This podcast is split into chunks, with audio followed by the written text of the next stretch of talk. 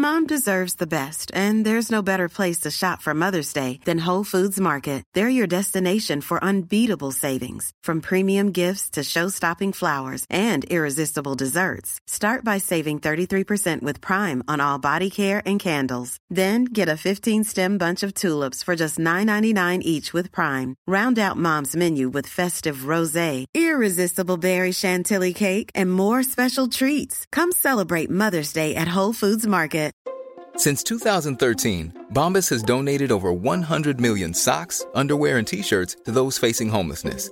If we counted those on air, this ad would last over 1,157 days. But if we counted the time it takes to make a donation possible, it would take just a few clicks. Because every time you make a purchase, Bombas donates an item to someone who needs it. Go to bombas.com slash ACAST and use code ACAST for 20% off your first purchase. That's bombas.com slash ACAST, code ACAST. In the market for investment worthy bags, watches, and fine jewelry, Rebag is the answer. Rebag is a luxury resale platform where each piece is carefully inspected by experts to ensure quality and authenticity. Use Rebag to buy and sell finds from the world's top brands, including Louis Vuitton, Chanel, and Cartier. Head to Rebag.com to get 5% off your first purchase with code REBAGNEW. Shop today at Rebag.com. That's R E B A G.com. And use promo code REBAGNEW for 5% off your first purchase. Veckans sponsor är Telia. Hos Telia samlar man mobil, bredband, IT-support, mobilväxel, allt som gör företagande enkelt. Och det är just det här att samla allt på ett ställe, att ha någon att vända sig till när det inte fungerar, det är Telia. Ett exempel på vad som inte är Telia, det är ju som när jag lyckas boka förmötet för en poddinspelning med Finansinspektionen till efter själva inspelningstillfället. Eller när jag här, här året var liksom, fick för mig att jag skulle börja springa, så jag är liksom ute och springer taggad, träffar en kompis som säger så här, du Jan, på måndag ska jag springa ett lopp. Och jag känner så här, ja men det låter inspirerande, så jag käkar pasta, jag byter om, tar mig ner till Malmö stadion för att göra en efteranmälan, står där i kön och sen så när jag liksom anmäler mig så tittar de på mig och säger så här, du Jan, vårhuset är bara till för kvinnor. Och eh, det var, det var typisk en situation som inte är Telia. Oavsett, ett stort tack till Telia som sponsrar, gör Rika Tillsammans möjligt, men framför allt tack till dig som lyssnar, följer och eh, hänger med oss varje vecka. Välkommen till Rika Tillsammans. Detta är dagens avsnitt. En eh, FIRE-intervju med Jesper från communityn. Ja, men det var så roligt. Jesper tog kontakt eh, med mig och så var han så här, du Jan, jag hade den här drömmen om ekonomisk frihet och FIRE när jag fyller 55. Men nu har jag fyllt 47 och jag har nästan nått målet så att jag kan börja sluta jobba. Så att jag hade väl liksom träffa dig och Karo för att liksom kunna bolla och prata och dela med mig. Och jag var så här, men detta låter ju superspännande, men låt oss göra ett avsnitt av det istället. Så att detta blir en intervju där du kan få liksom inspiration för, för att se hur kan en resa se ut? För att det som verkligen är vår slutsats länge är att resan till ekonomisk frihet är helt och hållet unik eh, och handlar om vad som är viktigt för en själv och, och att det väldigt mycket handlar om tankarna kring det. Ja, resan mot ekonomisk frihet är ju också en personlig utvecklingsresa. Ja, och det blir inte ett avsnitt om så här, vilka aktier har han ägt eller vilka fonder ska man ha eller liksom Eh, 4 regeln eller olika så här FIRE-tal, utan det, det handlar väldigt mycket om, så här, du vet, han, när han berättar hur hans resa började när han gick på socialbidrag till en kommentar som hans mamma sa till honom så här, har jag inte lärt dig någonting om pengar? Till hur han liksom läste boken eh, Automatic Millionaire och sen alla utmaningar längs vägen. Att, eh, att det handlar om ja, men vissa saker, det handlar om att våga. Det handlar om att våga tänka utanför boxen, gå sin egen väg och framförallt prioritera och verkligen fundera så, vad är det som är viktigt för mig? Vad är viktigt för min familj? Vad är viktigt för oss? Så att jag tycker att det är väldigt eh, liksom så inspirerande att ja, men kunna kopiera det som man, detta gillar jag, detta tar jag med mig, detta är jag också sugen på. Så att eh, ja, vi hoppas att du gillar avsnittet och så ses vi nästa vecka. Varmt välkommen till Rika Tillsammans-podden som handlar om allt som är roligt med privatekonomi och livet. Varje vecka delar vi med oss av vår livsresa, våra erfarenheter, framgångar och misstag så att du ska kunna göra din ekonomi, ditt sparande och ditt liv lite rikare. Vi som driver denna podden heter Caroline och Jan Bolmesson. Varmt välkommen Jesper. Detta är ju lite roligt. Jag har sett fram emot den här intervjun för att du hörde av dig så för, för några veckor sedan bara så här. Hej Jan, du vet så här, jag har varit på resan mot FIRE, där ekonomisk frihet ett tag, jobbar som lärare, bor här nere i, i, i Skåne och eh, nu, nu så vill jag fira det och eh, jag ville bara säga liksom hej, kan vi inte prata om det? Och så tyckte jag så här, gud vad det låter spännande. Och så var jag så här, men låt oss köra här i podden som en provinspelning istället. Så att eh, varmt välkommen! Tack så mycket. Men kan du inte berätta lite liksom så här, eh, din, din historia? För att du har ju liksom verkligen, alltså så här, du, du, skrev till mig så här, jag flyttade hemifrån rätt tidigt, eh, fick barn jättetidigt och, och mm. sen så var det liksom hela resan från liksom köra taxi och socialbidrag till utbilda dig till att idag, massa år senare, vara så här, nej men nu kan jag eller min partner sluta jobba och vi är typ i 40-årsåldern. Mm. Eh, vilket är en ganska häftig ekonomisk resa. Så att berätta, ja. hur ser det ut från ditt håll? Jag, först skulle jag vilja säga att den, den resan är, även om vi har gjort det tillsammans, jag och min fru, så har det varit min till stor del personliga resa som vi ja. gör tillsammans. Så att FIRE har en av oss uppnått nu. Ja. Och, eh, um, tack så mycket. Ja. Men ambitionen, jag ska inte säga ambitionen, men det har ju varit med, så vi backar bandet då. Ja. Um, uppvuxen i en familj med fem barn i ja. Veberöd. Ja. Och eh, pappa var läkare och mamma var hemma. Ja. Så eh, mamma jobbade något år, försökte driva verksamhet, men det, det, gick inte. Så hon var hemma med oss i stort sett alltid. Ja. Eh, så med det så växte jag upp och i princip, det var inga konstigheter. Pengar fanns liksom bara. Allt, allting fanns ju där. Vad man än ville, resorna man ville åka på, saker man behövde. Livet var väldigt enkelt. Fram till jag bestämde mig för att flytta hemifrån. Jag skulle bli pappa. Ja. Det absolut ingenting planerat. Ja. Eh, men jag var nästan 20, i gymnasiet var jag, gick ett ja. år senare för att eh, jag varit i USA ett år tidigare. Då fick jag reda på att min flickvän är med barn och vi bestämde oss för att behålla barnet. Eh, bo hemma var inte ett alternativ, så jag flyttade till Lund. Lyckades fixa en lägenhet mot alla odds. Men då började den riktiga resan. Från eh, inga konstigheter kring pengar, det har alltid liksom, det är inte, ingenting jag behövde tänka på, till att oh shit, Mm. Jag kunde inte hålla i pengar som barn. Mm. Och det är många som kanske inte har den relationen till pengar heller. Men då upptäckte jag ju ganska snabbt att eh, jag kommer inte klara det här. Fick inte jobb, eh, var mellan då gymnasiet och skulle hitta någonting att plugga. Socialbidrag kom ju ganska snabbt.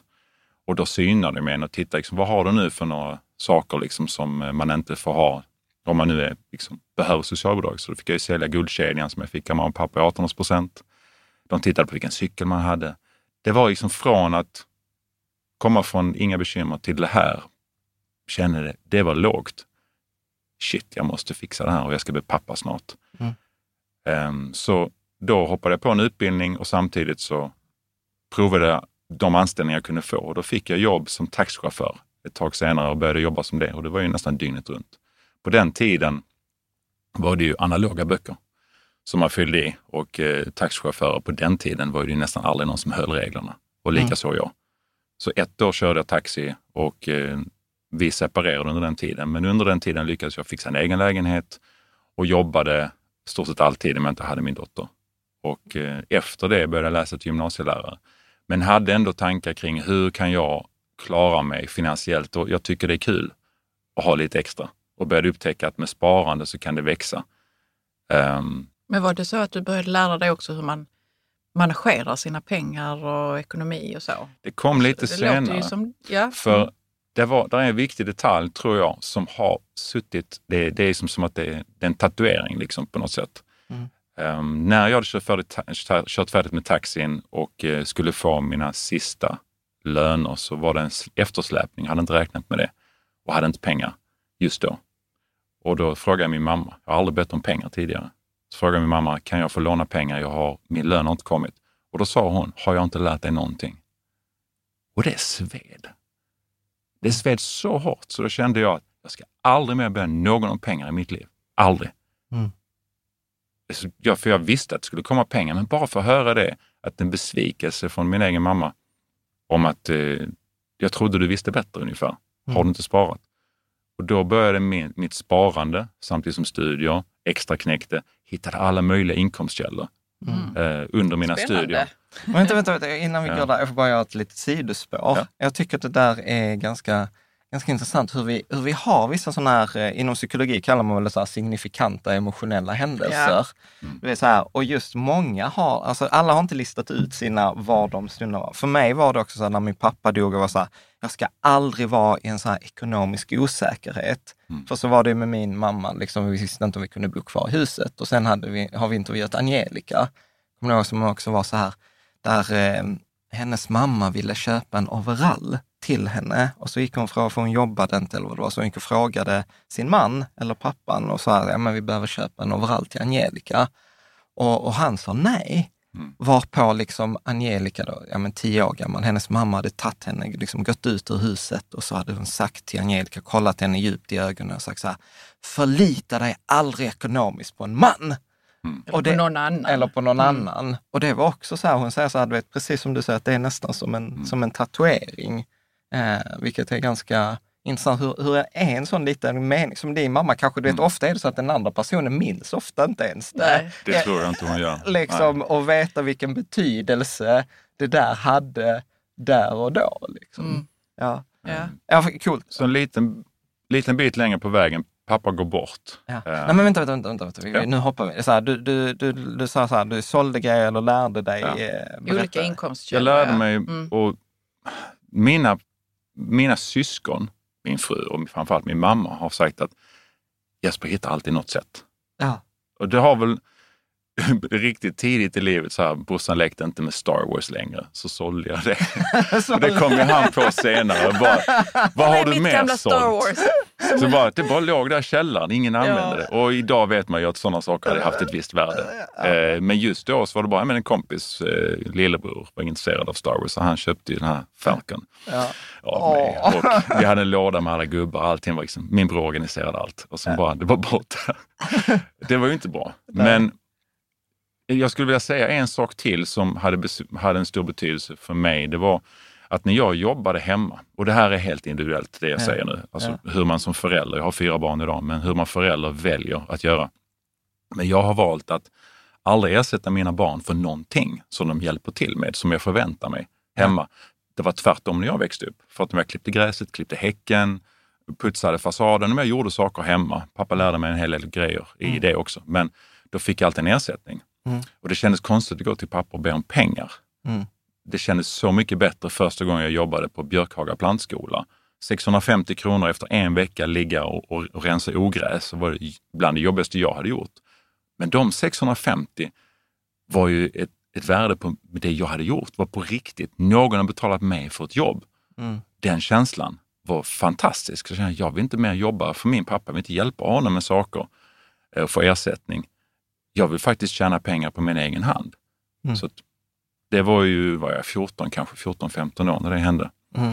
Eh, en av inkomstkällorna på vägen där var, vi bor idag i Beddingestrand och där finns en golfbana. Mm. Där dök jag golfbollar som 16-åring, för jag visste andra gjorde det. De krattade medan jag dök. Det var mycket bättre. Alltså i eh, Eh. själva gra- den, eh, vad, heter vattenhålet. Det? Vatten. Vattenhålet, ja. Ja. Det vita guldet kom det ut en Ja. artikel om senare i Svensk Golftidning om hur mycket pengar man tjänar på golfbollar. Jag kan instämma. Alltså, Bor du nära en golfbana? ja, du gick i... Jaha. Men där finns regler. Ta Okej. reda på dem också. Men som 18-åring och hade plockat golfbollar. Det var ju bara att öppna bagageluckan och ställa sig utanför en golfbanas område. Ja, ja, de är ju svindyra. Det kostar så här fyra bollar 200 spänn Ja. om man köper dem i butik. Liksom. Ja, det var Sålde tillbaks bollarna till dem. Ja. lite så. lite så. Eh, Ja, men jag ska ja. inte skratta åt det. Så att hitta sätt att tjäna pengar har jag väl alltid eh, gjort. För jag tror att när man sätter hjärnan till någonting, alltså när man börjar tänka i de banorna så börjar man leta efter inkomstkällor. Vi har väl alla läst Rich Dad Poor Dad här vid bordet och det är väl lite så också att man, man lär sig se det. Så man tränar det. Mm. Jag förstod inte vad det jag gjorde utan det var bara att jag vill ha en grej, hur kan jag få den? Mm. Och det är det jag vill ge mina barn.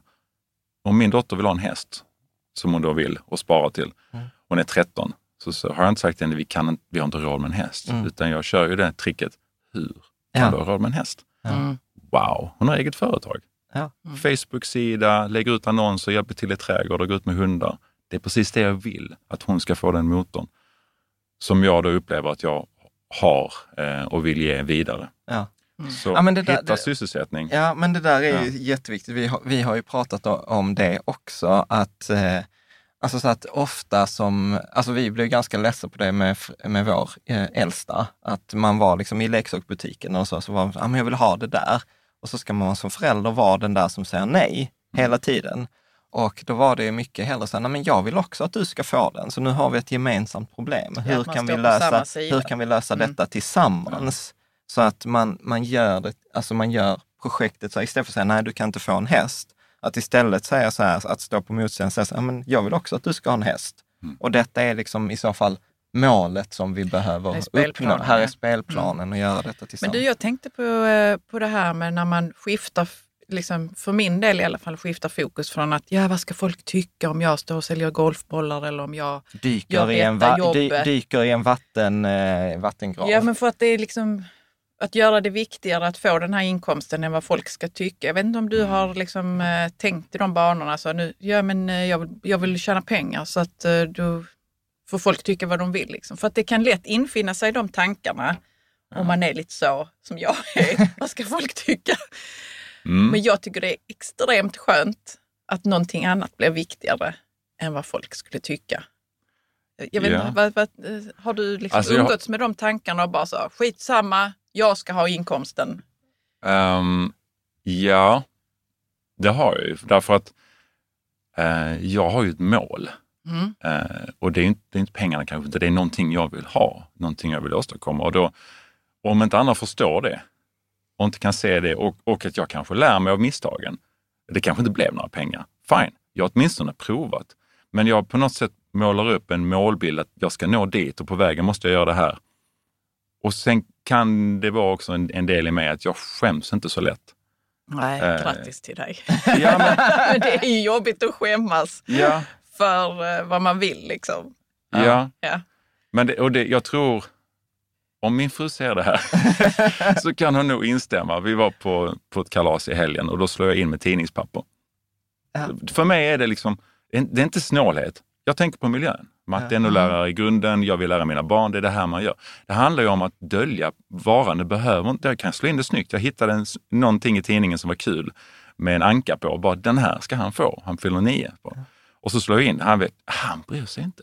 Nej, nej, Nej. nej, nej, men Det är de bara- andra föräldrarna. Bara andra, Åh, gud. andra undrar liksom bara, han slog in i tidningspapper. Ja, det gjorde jag. Ja. Jag är jättestolt för att det finns en anledning till varför jag gjorde det. Det var inte bara liksom, eh, jag hittade inget annat, utan Eller jag, jag jag, hade råd. tänkt ut det. Ja. Det här kan jag slå in med tidningspapper, jag tycker Mm. det är kul.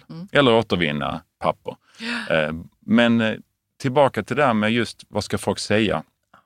Det var väl, eh, man hör ju de rösterna. Folk frågar, eller det här skeptiska bara, det kan man väl inte. Mm. Och då skulle jag faktiskt vilja säga att Tuva då, som är 13, när hon, hon i Beddingestrand, vi åkte ner dit, för det var en sommarstuga först, åkte ner dit och plockade kottar.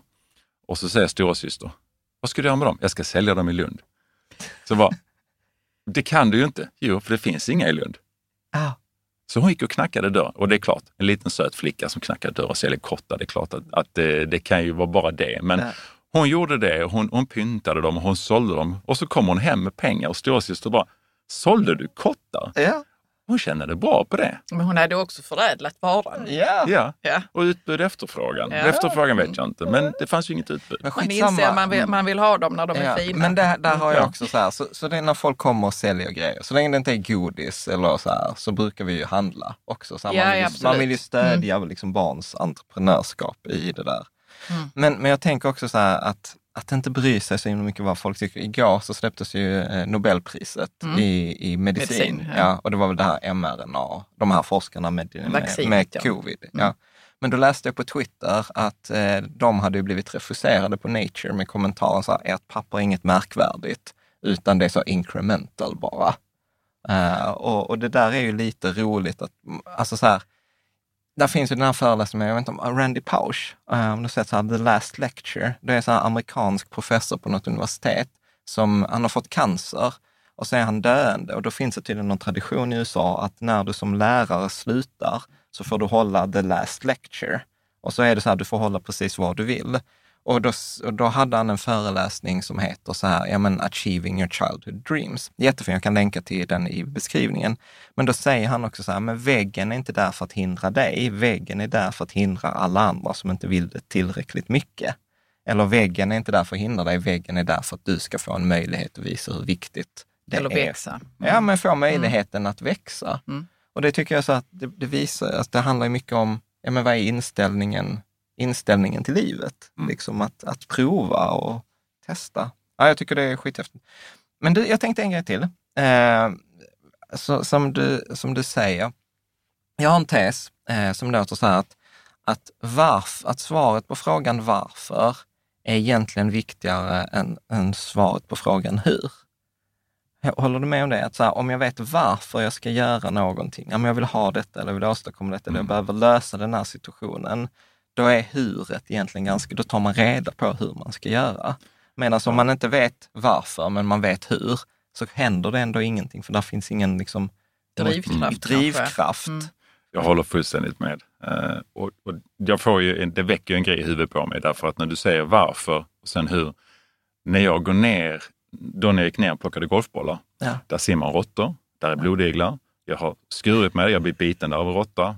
Liksom alla, alla, alla de här sakerna som hände mig när jag dök golfbollar. Ja. Där låg något gammalt tak, plåttak som jag inte såg som jag skar mig på. Åh, Så sådana här saker hände ju med det här svarta vattnet. ja. Men varje gång jag gick ner kände det kalla och misstänkte att det fanns kanske någon råtta där. Och så här liksom. När jag gick upp så, så förstod jag. Sen när jag går ner så vet jag varför jag gör det här. Jo, därför att jag vet vad mitt mål är. Ja. Och det här är vägen dit. Men jag undrade varje gång jag gick ner. Men när jag går upp, då är det ett hav av vita golfbollar runt om mig. Ja. Då fattar jag liksom. Mm. Eller första gången när jag sålde mina golfbollar, bara, åh herregud, Mm. det funkar. Men varför? Det var jag tvungen att ha. Och jag tror det, när man provar någonting eller, eller, chansar på någonting, så måste man ha det där varför riktigt klart för sig. Mm. Eh, och när du frågade mig, liksom, hur började allting? Och jag försöker nu titta tillbaka. Det har jag lite glömt. För jag har ju satt målet så hårt satt att jag ska nå dit och sen så undrar jag, men varför gjorde jag det? Mm. Vad händer nu? Det är ett vakuum nu. Mm. Liksom. Och det, det tycker jag är en märklig känsla, som att man har sprungit i mål. Men varför sprang jag loppet? ja. Vad var poängen? Och vad skulle du, om du skulle spekulera? Ja, och då, jag tror där det började så var det det mamma sa.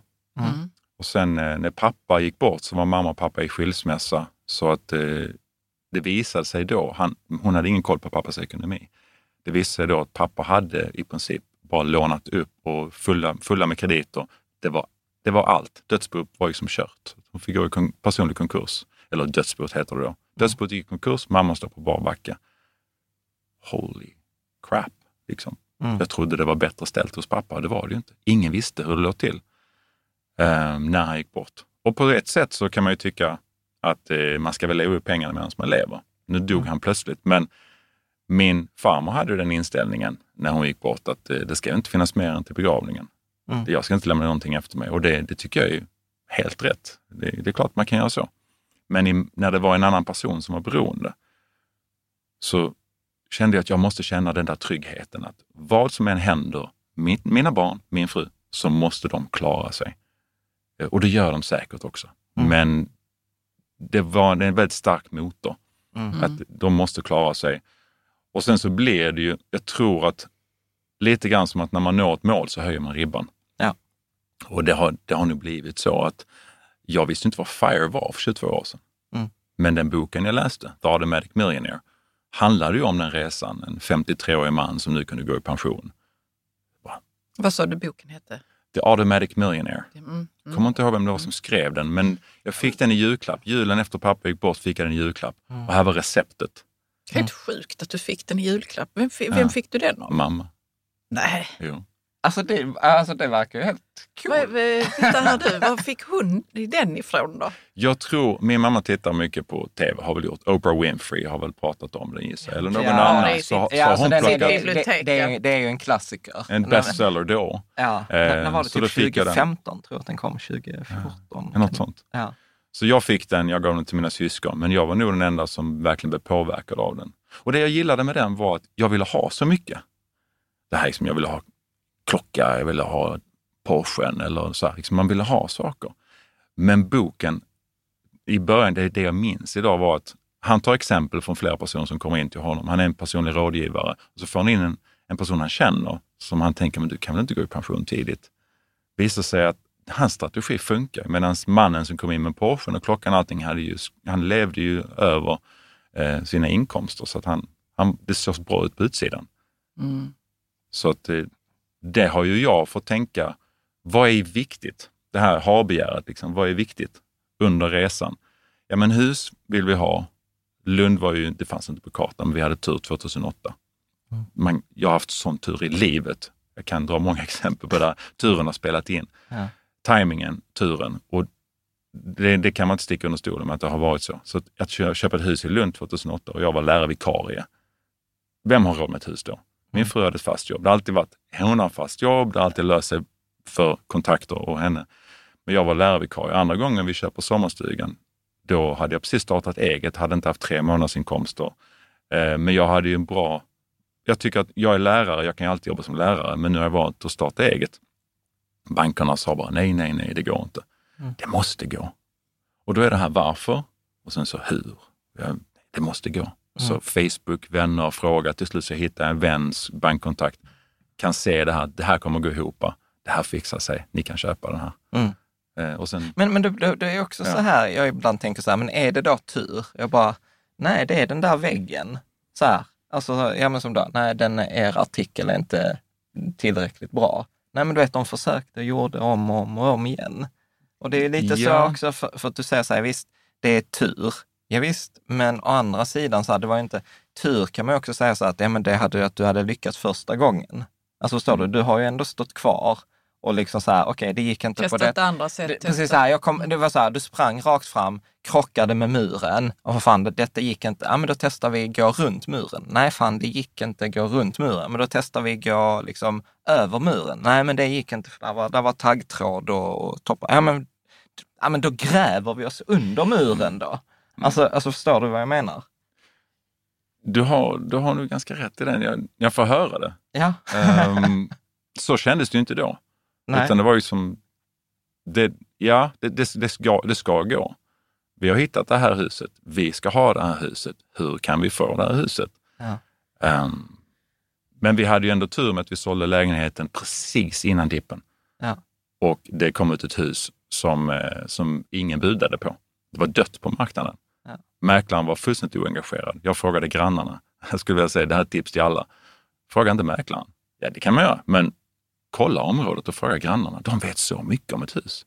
Ja, men berätta, berätta, berätta detta. Detta har ja, jag aldrig detta har hört. vi aldrig gjort alltså. Nej. Nej. Jo, ah, det, här, det här gör jag hela tiden. Eh, jag tycker det är jättekul att titta på hus. Jag tycker det är jättekul att gå på visningar. Men framför allt om det nu är någonting. Vi köpte precis det tredje huset Ja. som vi hyr ut. Um, och likaså där, fråga grannarna, ta reda på mer. Grannar vet så mycket. Vad har du fått reda vad, vad är det de vet? Ja. Jo, men vi tar huset som vi köpte i Lund. Då, då eh, mäklaren var, han visste i princip ingenting. Vi frågade om, när var varmvattenberedaren bytt? Ja, jag vet inte, han tog inte reda på det. Då, då, då gick vi runt i området på kvällen, knackade på hos grannen. Och det här, sån här är nog jag. jag liksom, många tänker att det kan man väl inte göra. Klart man kan. Det, så det gjorde det. Så vi gick in, vi drack kaffe, vi pratade om det. Då sa de, ja men de som har bott där innan de som har bott där nu tre år, hette då Alf och Eva. Och de hade inga barn. De tog hand om huset bättre än någon annan. Det var radhusområde med 63 hus. Det här är det finaste av alla husen. Det mest skötta huset av alla. De har gjort det och det och det. De har gjort de här extra insatserna på huset. Ni anar inte hur bra hus det är ni egentligen tittar på. Då visste vi där och då, det här ska vi buda på. Det här huset är rätt. Och vi hade tur, ingen annan budade. Ja. Så vi fick det till det utgångspriset. Och, de som, och berättade om vem säljarna var och att de var i skilsmässa. De stod inte ut med varandra, de vill bara bli av med det. För det hade de ju berättat för grannarna. ja. Ha- han, Alltså, han det var är väldigt bitter. så bra eh, att vara lite gränslös. Ja, jo, men det har också servat mig i livet att vara gränslös.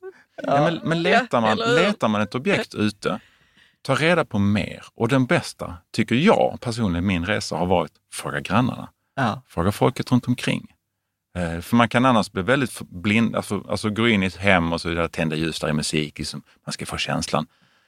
Men du har 10-15 minuter på dig att titta på ett hus många gånger. Ja, sen är det såklart eh, en eh, besiktning också, men du får väldigt lite, alltså folk kollar på bil mer än vad de kollar på hus. Ja. Alltså undersöker mer. Eh, men man borde kolla hus mycket mer. För det är ju ändå liksom location såklart, men många överraskningar kan man få i ett hus. Ja. Mm. Eh, och det har jag också gjort, den resan. Eh, men eh, ja, Ja. Men, men det där är också roligt för, för att det blir ju, alltså så här, vägen är ju inte rak. Mm. Alltså utan som du säger, men ofta upplever jag att, du vet så här, ibland när man också återberättar en historia, då är det ungefär som med, med förlossning hittar jag på. Att man har liksom glömt de dåliga grejerna och så minns man, liksom, så får man låta så enkelt. Mm. Alltså förstår du vad jag menar? För men nu sa du ju så här i en bisats så här, ja ja, men det har jag också varit med om. ja okej, jag kan ta det. Okej, Ja, och okej. jag tänkte också när du sa det, fråga grannarna, att det kanske inte var så att alla grannar ville snacka, utan det var kanske någon. Ja, men det räcker Alltså, det ju med det att det en. finns eh, Ja. barriärer överallt, men man måste ju liksom knacka på kanske hos flera grannar, inte bara Ja. en. Ja, ja, ja. Som jag gissar att du har gjort då. ja. Ja, när vi köpte vår bostadsrätt först, den första bostaden, då kollade jag i trappuppgången, knackade på, presenterade mig, detta var innan vi köpte den. Ja. Eh, bara för att se vad är det för personer vi kommer att ha att göra med sen. För det Ja. kan ju vara den där kufusen, den som tycker att man väsnar, spelar för mycket ljud. Vi skulle ha barn snart. Kommer det här liksom vara accepterat i trappuppgången? Eh, för det säger också rätt mycket. Vad är Ja. det för udda personer? Ja. Eh, och den sista dörren var det ingen. Ja. Och det blev våra närmsta grannar. Och hade vi vetat hade vi nog inte köpt lägenheten. Eh, för de var väldigt speciella, Ja. eh, minst sagt. Eh, de, jag, jag hade nog köpt den ändå, men man hade nog vetat lite mer. Vi blev såklart förälskade i objektet, och, som man då blir. Men eh, det är bra att göra det. Men det här du sa, att jag har också gjort det. Ja. Eh, den senaste bostadsköpet som jag gjort var ju dumt. Det är den meningen att jag tänkte att jag ska kohandla här. Jag köper huset utan besiktning.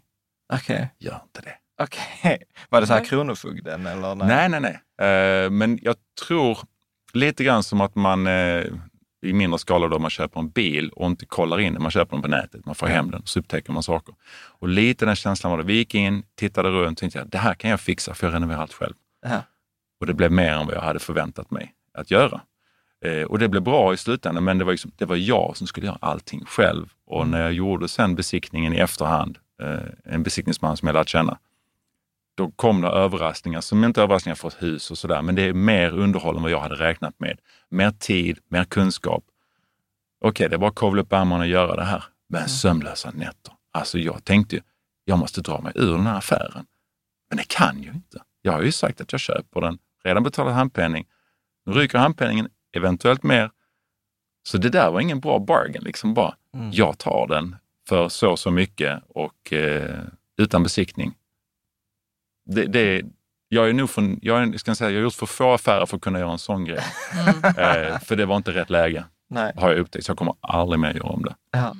Jag kommer att göra besiktning. Om inte annat så kan man ju be och bara få ha med sig någon och titta på huset som är en besiktningsman. Ja. Nu har jag en, en kontakt själv som jag kan kontakta och har hjälpt mig att titta på fler objekt av nyfikenhet. Ja.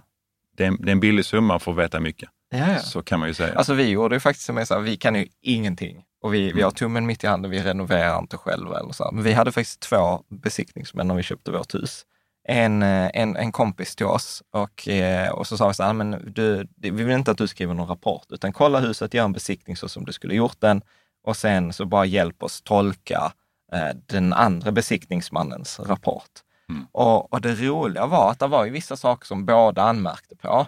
Men sen var det alltså halva besiktningsprotokollet hade de olika åsikter om. Och då visade det sig också att eh, liksom vissa grejer är så här, ja men den ena var så här, men ventilationen är dålig. Och den andra var så här, men detta är ett 30-talshus, det är självdrag, det är precis så det ska vara i ett sånt här hus. Mm. Medan den andra då anmärkte på det. Mm. Ja, men kan du inte berätta lite så här, hur, hur har, hur har liksom den ekonomiska resan gått? Så det började liksom, eh, så, när vi sa så här, flyttade hemifrån, det var tufft för jobb, socialbidrag till sen körda taxi, sälja saker etc. Börja bygga upp. Och sen någonstans längs vägen så blev det, gå lärarutbildningen. Mm. Och, och, ja, men berätta, kan du inte liksom den ekonom, hur, hur, hur, hur har det gått till? Lärarutbildningen, då jobbade jag också extra. Ja. Hoppade in som säljare på Siba, som kanske folk minns. Ja. Eh, jobbade som behandlingsassistent. Så jag läste till gymnasielärare i naturkunskap och psykologi, så jag var intresserad av, eller vill se det kliniska i den delen jag kommer sen undervisa. Så, så vara behandlingsassistent med missbrukande kvinnor kan man lära sig massor. Jag tänker inte rent ekonomiskt nu. De vet väl ett och annat sätt också. Eh, men så att jag hittade olika sysselsättningar med studierna och inkomstkällor under studierna. Så att jag hade det väldigt bra som student jämfört med många andra. Men man behövde inte så mycket heller. Så då Nej. sparade jag. Men tog du studielån och studiebidrag? Ja. Eller, ja. Maxat. Men hur, vad, Mm. vad gjorde du med pengarna som eh, kom in liksom, från sidojobben? Så hade du någon sån plan så jag ska bara spara dem? Spara, spara till mig själv först. Mm. Eh, blev ju det som jag lärde mig från den boken, liksom pay yourself first. Mm. Och gör man det istället för att betala alla andra räkningar först så, så har man avsatt pengar så märker man inte ens av att man hade dem. Så jag sparade och sparade och sparade. Men jag har också tur där i att min dåvarande flickvän som sen blev min fru eh, gjorde ju samma sak. Hon sparade, hade ett, liksom ett autospar varje månad. Så man ska inte aktivt, tänker jag, gå in och sätta in, nu kan jag inte vara så här mycket den här månaden, utan bara sätta det på auto. Och då gjorde jag det, men sen när man går in och tittar bara, fonder, alltså random, banken sa tipsade så tog man sig, oavsett nästan vad man valde så växte det. Och då som, när jag lärde mig principen ränta på ränta så började jag lite grann förstå att ah, pengarna växer av att de finns och att de, räntan förräntas. Så det var, det var häftigt i sig. Men jag tror att de stora, i de stora penseldragen, vad som har gjort att, att man... Mitt mål var 55, men nu är jag 47. Så nu har 55, jag, då ska du vara ekonomiskt ja, då skulle jag Fri. kunna bestämma att nu slutar jag jobba, för jag Mm. behöver inte jobba mer. Mm. Så det har varit i mitt huvud hela tiden, 55 är målet. Men sen har olika omständigheter gjort att jag har kunnat korta ner det. Och det, det, säg ett år sedan skulle jag inte kunna säga det. Men det bara föll så. Det bara blev så på den vägen. Och de stora bitarna har ju varit hus, eh, definitivt. Eh, olika bostadsköp. Men huset i Lund som vi då hyr ut, vi flyttade ner till sommarstugan som jag köpte av mamma. Flyttade ner Men för fyra och ett vänta, halvt år vänta. Jag sedan. jag, vill bara liksom så här betona, betona det där, för folk säger alltid så här, "Äh, det går inte. Eh, men, men här skulle jag säga så här, liksom, egentligen, alltså, receptet är ju ganska enkelt. Det är så här, ha lägre utgifter än vad du har eh, eh, inkomster. Och sen jobba extra i perioder. För det, det är återkommande tema att eh, så här, nej, men jag har jobbat extra, jag pluggade och jag jobbade på Siba eller etc. Mm. Men sen är det ändå lite så här oortodoxa val. Jag vet inte, du som lyssnade bara hörde att han sa så här, ja men vi, vi flyttade in till sommarstugan. Eller vad var det du sa, du flyttade från lägenheten till sommarstugan? Nej, lägenhet till hus. Sen så hyrde ut huset, flyttade till sommarstugan. Mm. Vilket är, berätta, hur, hur, alltså så här, hur, går, hur går den konversationen till? Bara, hej du, jag har kommit på en grej. Jag har tänkt att vi ska Till flytta sambon menar du? Ja, Ja. precis. Mm. Ehm, Och, hon, och hon känner så vi- bara, ja, det kör vi på. Låt säga så här, det var som jag sa i början, att eh, det här har varit mycket av min resa. Vi gör den tillsammans, men planen, liksom facit, jag vet inte vad man ska säga, men planen har ju suttit i mitt huvud och det är svårt, tror jag, att för någon annan att se. För jag, det, går ju, det, det maler ju i mitt huvud hela tiden. Det blir liksom en blueprint. Det följer mig hela tiden. Jag stoppar in pusselbitarna och så när, när mamma bestämde sig för att sälja huset till oss, eller hon skulle sälja huset och vi ville köpa det. Jag har ju fyra syskon. Så att det blev ju så som det ska vara, liksom tre värderingar från tre olika oberoende, så köpte vi det. Då var ju min plan, min plan var att flytta dit. Min frus plan var sommarstuga. Okej. Så vi, men min plan har ju varit så sedan jag läste den boken för 22 år sedan att vi ska äga två hus, tre hus ska vi äga, hyra ut två av dem. Hur ska jag nå det målet? För då vet jag att en eller båda, ränteläge som det är just nu så behöver ju någon av oss jobba. Men, men i princip så kan vi sluta jobba eh, om vi lyckas med det här målet. om vi vill. Ja. Och det, är, och det är så man vill hitta meningsfullhet i livet. Så det handlar ju inte om att jag ska sitta och rulla tummarna nu. Jag har ju massa idéer.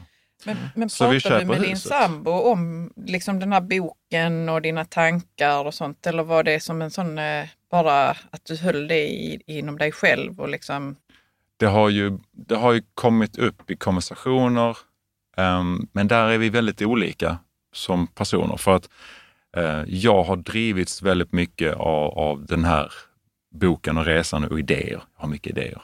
Men den här idén har ju suttit fast. Liksom. Målet är där. Medan diskussionerna vi har om vad skulle du gjort om du inte jobbade mer? Jag skulle inte sluta, säger min fru. Medan jag, som, när jag var lärare, det var, det, var, det var tufft att jobba som lärare i nio år. Eh, helt slut vid loven, liksom, på kvällarna, jobbade jag kvällar, jobbade helger. Liksom. Det var alltid saker att göra. Det kändes jättetufft. Och så, för mig var det ett ekorrhjul. Jag kände att det är, det är given att vara lärare, men det är många bitar som inte, som man skulle vilja plocka bort om man säger så. Mm. Så vad finns där mer i livet? Jag fick uppleva det på sommarloven. Och det är också en grej, att de var ledig då. Det kanske inte är så många, men låt säga att det är 10 till 12 veckor per år man är ledig. Det är mer än vad de flesta har. Och under den tiden få smaka på andra saker, få känna hur det kan vara att vara lite längre ledig, drev ju på ännu mer att det är det här jag vill känna, friheten att välja. men eh, hur mycket pratade ni om målet som du hade i dig? Och fick hon läsa boken? Ehm, nej, hon har inte För jag läst boken. tänker så, shit vad jobbigt att, att ha den här, eh, nu kommer detta från mitt håll, ha den här planen, ha boken i bakhuvudet och sen liksom eh, så har man en sambo som kanske inte är helt med Mm. på resan och vill göra andra saker. Och så, jag tänker att det känns eh, som lite uppförsbacke ändå. Förstår du vad jag menar? Det, det, kanske du inte ja, hade. Jag håller, det kan jag hålla med om. Att det kan kännas som att det är, här, puff, här tuffar jag på själv. Ja. Liksom. Eh, men som jag sa innan, jag har haft tur, upplever jag här, att jag har en sambo, och numera fru, um, som också är väldigt ekonomisk. I den, I den bemärkelsen att hon sparar, hon tänker efter när hon köper någonting. Lite mer utsvängning än vad jag har såklart. Eh, tycker om att köpa kläder, tycker om att det är nytt. Och jag tycker det är jättekul och älskar mina kläder. och De kan vara så gamla så de ramlar av mig liksom, med hål. Så där är vi olika. Men, men vi har ganska lika värderingar kring vad vi vill använda pengarna till. Men sen gjorde vi också någonting som jag kände tidigt att vi ska aldrig bråka om pengar. Det gjorde mina föräldrar. Och det var ju också så att pappa var ju den som hade pengarna, så han gav ju mamma en månadslön, eller men, månadspeng.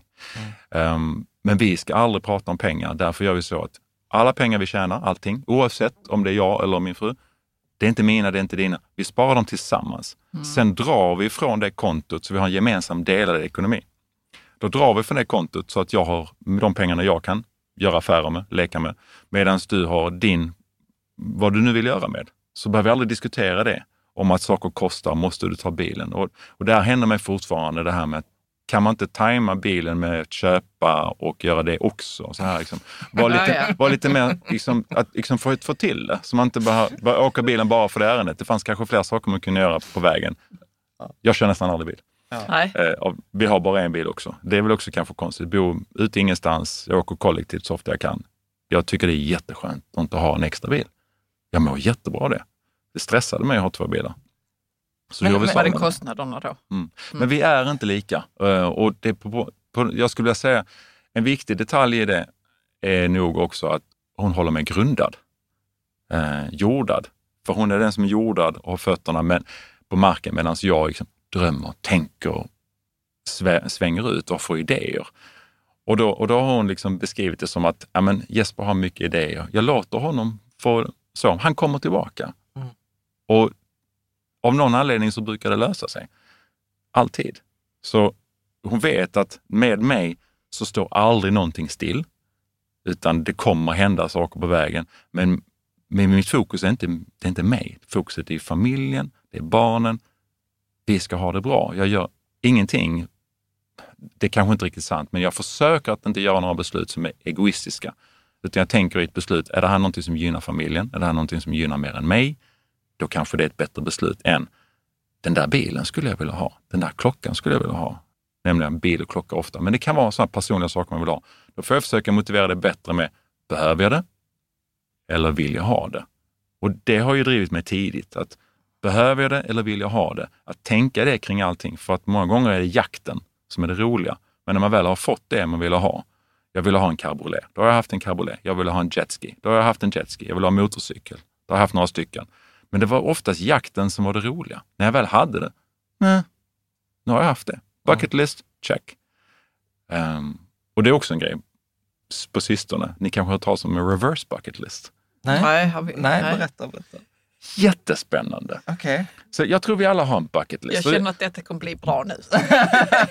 jag, jag tror att vi alla har en bucket list. Eh, Det tror jag. Vi har, Mm. Även om vi man har inte har skrivit mål. den så vet man så, ah, men Ja. nu checkar jag av detta på bucketlisten när man gjorde någonting. Så Ja. känner jag. Och jag har en bucket list, den, den kan ju fyllas på.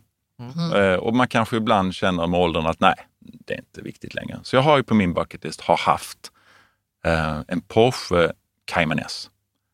Men någonstans så vet jag också att jag kommer nog aldrig köpa den, utan det är jakten. Men jag hörde inte för så länge sedan det här med reverse bucket list.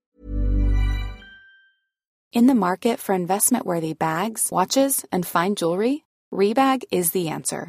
Rebag is a luxury resale platform where each piece is carefully inspected by experts to ensure quality and authenticity. Use Rebag to buy and sell finds from the world's top brands, including Louis Vuitton, Chanel, and Cartier. Head to Rebag.com to get 5% off your first purchase with code REBAGNEW. Shop today at Rebag.com. That's R E B A G.com. And use promo code REBAGNEW for 5% off your first purchase. There's never been a faster or easier way to start your weight loss journey than with PlushCare. PlushCare accepts most insurance plans and gives you online access to board-certified physicians who can prescribe FDA-approved weight loss medications like Wigovi and Zepbound for those who qualify. Take charge of your health and speak with a board-certified physician about a weight loss plan that's right for you. Get started today at plushcare.com slash weight loss. That's plushcare.com slash weight loss. plushcare.com slash weight loss. Millions of people have lost weight with personalized plans from Noom, like Evan, who can't stand salads and still lost 50 pounds. Salads, generally, for most people, are the easy button, right? For me, that wasn't an option. I never really was a salad guy. That's just not who I am. But Noom worked for me. Get your personalized plan today at Noom.com. Real Noom user compensated to provide their story. In four weeks, the typical new user can expect to lose one to two pounds per week. Individual results may vary. Det är det här med riktig lycka är inte att ha, och det vet vi ju alla, det här materialistiska och sådär. Men han pratar om haves divided by wants. Så det du har dividerat med det du vill ha. Ju mer du kan, kan plocka bort från vad du vill ha, desto lyckligare blir du. Siffran blir större. Bara, Oh, intressant. Vad är det jag egentligen har haft på min bucket list i alla år som jag egentligen inte... Jag kan, jag kan ta bort det, det betyder egentligen ingenting. Den bara är där. Det är som att Ja, ja, jag det kan vara sådana gamla punkter som Ja. kanske inte gäller längre. eller någon annans. Ja, någon annans ja. För det kan det vara i det här fallet, just med Porschen, att det kan vara någon annans, en vän, som har nämnt det och jag bara, oh, den är ju faktiskt riktigt snygg. Jag sätter den också på min lista. Så då försöker jag nu istället tänka, vad är det jag vill uppleva? Och det behöver inte kosta så mycket. Och det tycker jag är spännande. Det här med att vi måste göra mer i familjen, vi måste komma ut mer. Ja, men att vi tar bilen ut i skogen med barnen, det är ett äventyr. Den minsta är sju. Det är alltid ett äventyr när vi går ut i naturen. Det händer saker, det händer någonting med oss och det behöver inte kosta nästan någonting. Vi tar med oss vår egen fika. Det är också trevligt, kanske bakat någonting och sådär. Kan man liksom skala ner det så kan det fortfarande vara otroligt minnesvärt. Och bjud med någon annan så blir det också ett minne. Eh, och det är nog det som jag försöker titta på nu. Liksom, vad kan jag ha för upplevelser som inte behöver över. Jag, jag vill åka till eh, ett viss plats och jag vill uppleva det här och det kommer att kosta så här mycket. Utan kanske i det lilla. Och du och Caroline pratade ju tidigare om det, om min förra veckas semester som skulle blivit Mallorca. Ja, Vi skulle ha hyrbil, jag hade planerat med alla hotellen. Det var liksom, nu jäklar ska vi liksom fira, kände jag. Eh, Men det slutade med att det blev ingen resa. Min fru fick inte ledigt just den veckan. Saker brann inne och sen så blev det tre nätter borta i Skåne, där vi nästan aldrig semestrar. Det var fantastiskt skönt att komma bort. Och de samtalen vi hade kanske vi inte hade haft om vi var och upplevde någonting. Nu fick vi mer liksom reflektera kring den här, min resa, om jag får säga, där min fru har fått följa med och hon är en stor del av den. Men det har ändå varit, Jesper, det här är din grej. Jag är nöjd. Och där har vi ett ord också som, eh, som jag tror eh, min fru kan identifiera. Um, Jesper är aldrig nöjd är väl en sån här sak att jag vet att det finns mer. Det är en fara med det. Att mm. man känner att det finns mer. Har man nått en viss nivå av någonting eller om det nu är yrket man har klättrat eller om det är kanske pengar man har tjänat eller vad det nu kan vara. Att man flyttar den ribban. Och då är det bra att ha ett mål från början som man håller sig till så att man inte flyttar den ribban. Jag har en vän som blev väldigt sjuk av att han gjorde det. Han ja, precis. Det klassiska att man flyttar målstolpen. Så ja. fort man, jag brukar säga så fort man börjar nå den. Mm. Du har inte ens passerat den, du kan nå den. Mm. Så då tar man den och sen kastar man den framåt. Ja, men det är väl så... också för att det liksom uppstår kanske en tomhet när man väl har nått någonting, ja. sitt, sitt mål. Och så de flesta pallar liksom inte vara i den tomheten. Ja, en kompis och, och, det säga... kan, och det ska man nog ändå vara i. För att känna sig, ja men nu så så att man lär sig så att, ja, som du säger, fira kanske eller njuta av det mm. eller fundera över någon, liksom, men vad, resan som man har gjort och så. Mm. Men vad tror du är nästa, nästa steg då för dig? För att du, du är väldigt... Apropå nästa målstolpe. Nej men du är väldigt, eh, nej men jag tror att, alltså så här, det är klart man ska fira. Alltså det var någon kompis då som sa också så här, vet, att göra någonting och inte fira, det är som att baka en kaka och inte äta den. Ja. Äh, och jag tänker så det är få av oss som, nu har jag bakat kakan, nu åker den direkt från ugnen ner i soporna. Alltså, ja. så, så gör vi inte. Mm. Men, men jag tänker så här, har du farhågan, alltså så här, vad händer nu då? Mm. Och det behöver liksom inte vara något mål, utan det, jag, jag eller så här, om jag ska skjuta in en grej där. För jag kan ibland uppleva att det var ganska skönt när jag kunde släppa taget om mål och egentligen börja prata om det som jag gillar som standarder. Alltså vad vill jag ha för, hur vill jag till exempel ett idealt år ser ut? Eller hur, hur ser det ut? Och snarare än att jag ska erövra eller besegra eller köpa, mm. så blir det så här, nej men detta är en nivå som är i livet, i som, livet, jag tycker om som jag tycker om. Med. Mm. Alltså jobbmässigt och med barnen. Och, och vardagsmässigt. Ja, vardagsmässigt. Mm. Och att jag vill hålla denna nivå. Att mål, att målet blir mm. inte en ny Porsche, utan målet blir så här, men vet, shit, kan vi ha det så här så är ju fantastiskt. Alltså som standard. Vad det, tänker du? Jo, det, det jag tänker och det som, som slår mig med jämna mellanrum, det är det här, tänk om man får det där beskedet. Mm. Någonting tragiskt händer. Om det är barnen, om det är jag, det är min fru, det är någon. Eh, och det är inte i den ordningen jag precis sa det. Mm. Men, men alltså, om det är någonting som händer, vad är då Maslows behovstrappa? Mm. Eh, liksom, där liksom, vad är det egentligen som är grundläggande som jag behöver? Och sen så det här med eh, den allra högsta då, som är självuppfyllande. Mm. Om, man, om jag tänker istället tacksamhet istället. Mm. Och det är där jag är nu, liksom bara herregud, var är jag idag? Pappa blev inte mycket äldre, lite äldre än vad jag är nu, men den tanken följer mig hela tiden. Pappa blev inte så gammal. Eh, hur levde han sitt liv? Eh, det är klart det färgar mig jättemycket. Hur vill jag leva mitt liv? Har jag nu funnits där med min familj och mina barn? Ja, det har jag. Eh, men de små sakerna.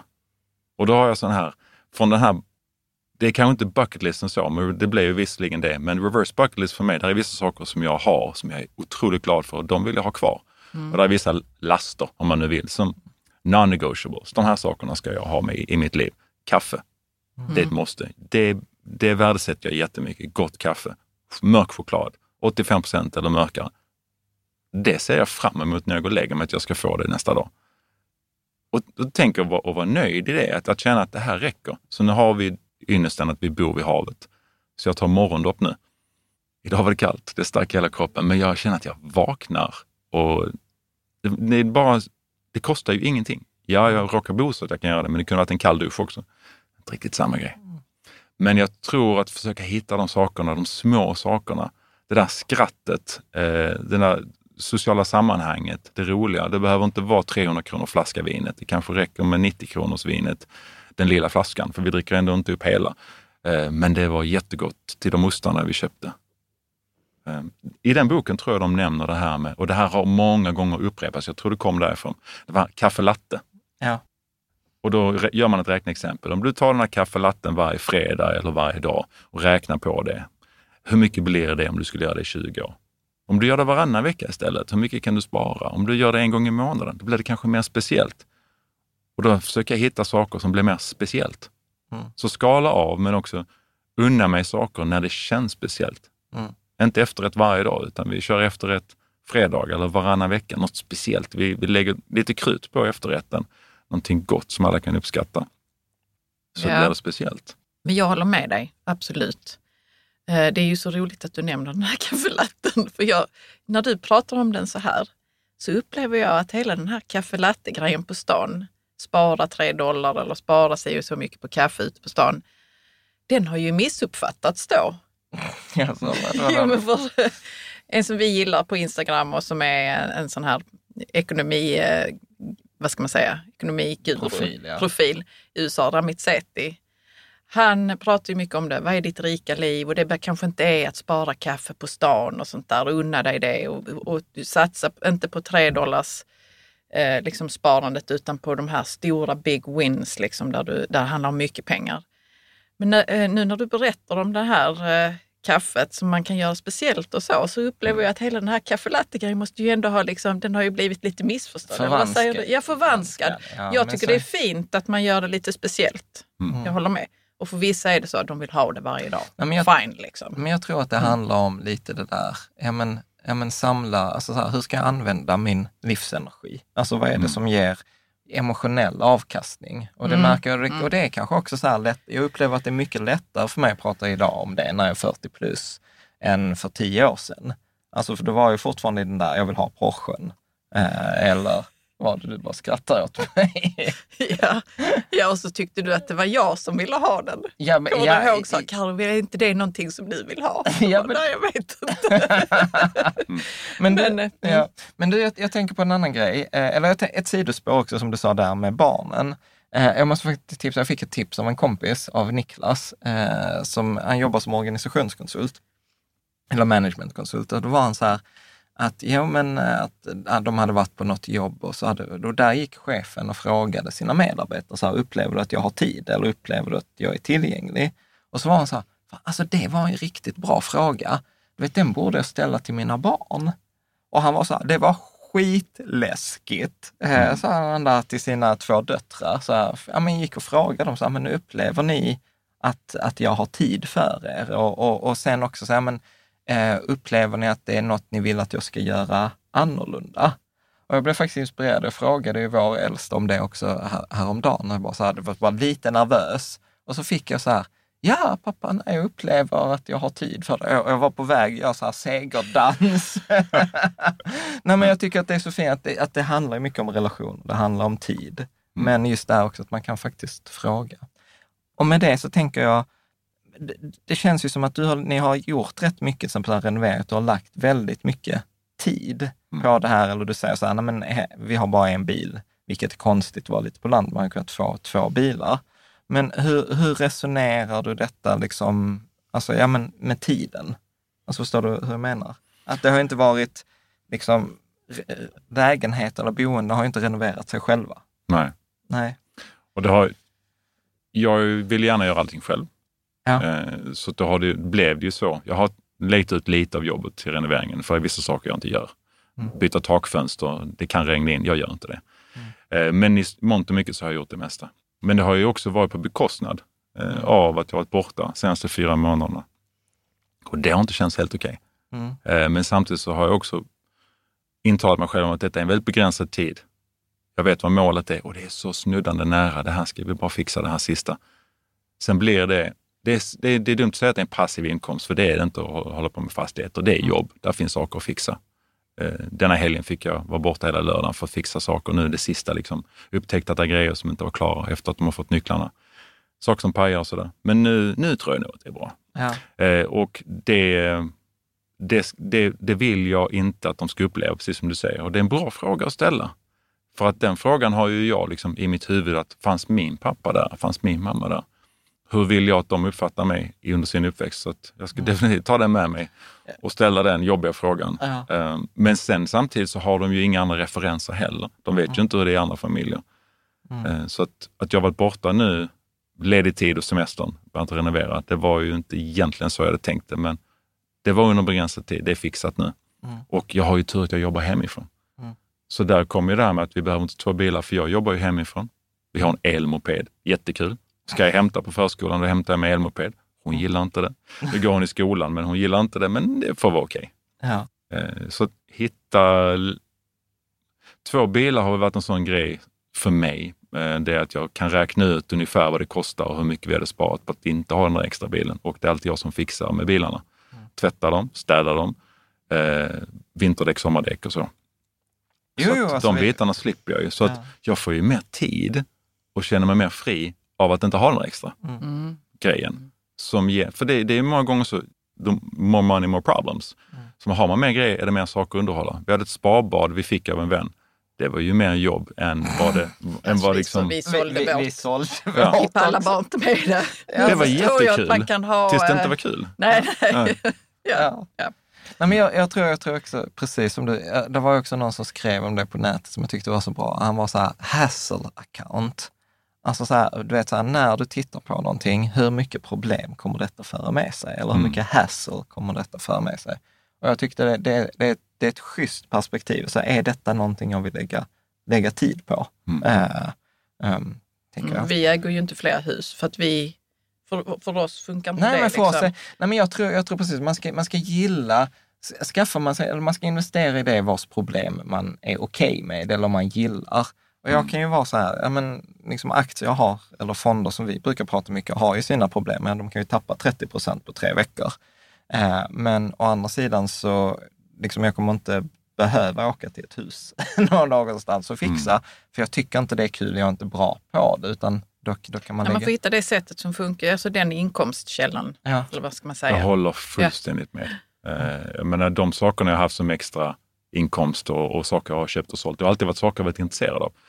Om jag nu köpte någonting jag tyckte om, ville prova, så funderar jag på, kan jag sälja det här för mer?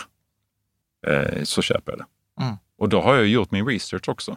Men kan jag tänka mig behålla den? Mm. Det är också lika viktigt som att kan jag sälja den för mer. För att det blir inte av med den, då ska jag ju ha den här grejen. Mm. Eh, Så har jag gått in med det många gånger när det är någonting. Jag gillar musikinstrument. Så att om jag köper en fin gitarr, kan jag tänka mig ha den här i fem år? Eller kan jag sälja den om en vecka? Jag kanske lägger ut den och får mer, eller så har jag den. Och så har jag den ute på annons. Ifall det är någon som vill ha den, Mm. då köper de den. Men annars så har jag den och jag tycker om den.